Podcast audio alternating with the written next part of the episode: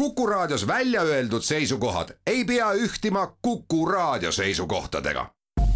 Te kuulate Kuku Raadiot.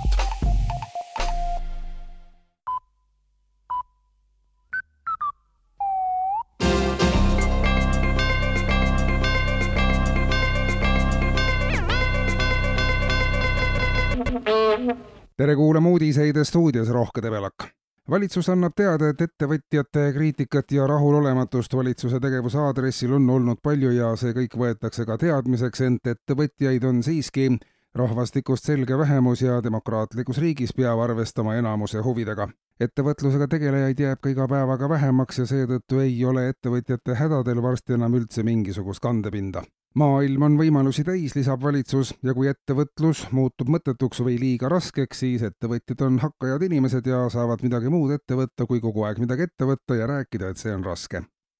veel vaatas valitsus eile üle andmed, mis näitavad, et Eestis on lühikese ajaga aset leidnud oluline hinnatõus, mille poolest oldakse Euroopas esimeste seas kuigi hinnad tõusevad ja need tekitavad esmapilgul inimestes negatiivseid emotsioone, ei ole mõtet kogu protsessi ka negatiivses mõttes üle hinnata valitsuse sõnul võivad hinnad tõusta nii palju, kui tahavad, suuremal osal inimestest pole niikuinii raha, et midagi osta ja nii ei puudutagi hinnatõus paljusid. valitsuse avalduses märgitakse, et ei ole ju vahet, kas inimene ei jõua osta nelja või neljasaja eurose kilohinnaga vorsti ostmata, jääb see nii või teisiti ning hinnaralli jätab nii ka inimesed puutumata ja elatustase sellest oluliselt ei lange hindadel on Eestis veel kasvuruumi küllaga ja ka palkadel on jätkuvalt seetõttu langemiseks varu olemas Eesti Energia annab teada, et ettevõte juurutab järjest kasvavas tempos tuuleenergia tootmist. nädal tagasi paisati turule esimene katsepartii tuult ja tuule tugevusega võis üldjoontes rahule jääda, kuigi mõnes piirkonnas oli siiski tuul oodatust vaiksem või ebaühtlase tugevusega.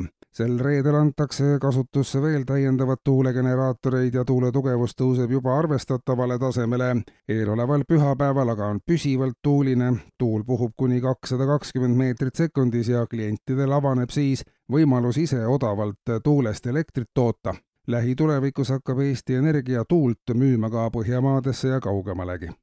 ja lõpetuseks ka pealinna teateid. Tallinna Kommunaalamet annab teada, et paigaldab linna tänavatele homme esimesed sada jääpurika varjendit betoonist purikavarjendisse saab kakskümmend inimest varjule pugeda, probleemsemates piirkondades antakse purikaohu korral ka õhuhäire ja inimesed saavad varjendist kõige ohtlikuma aja mööda saata ja siis taas edasi liikuda.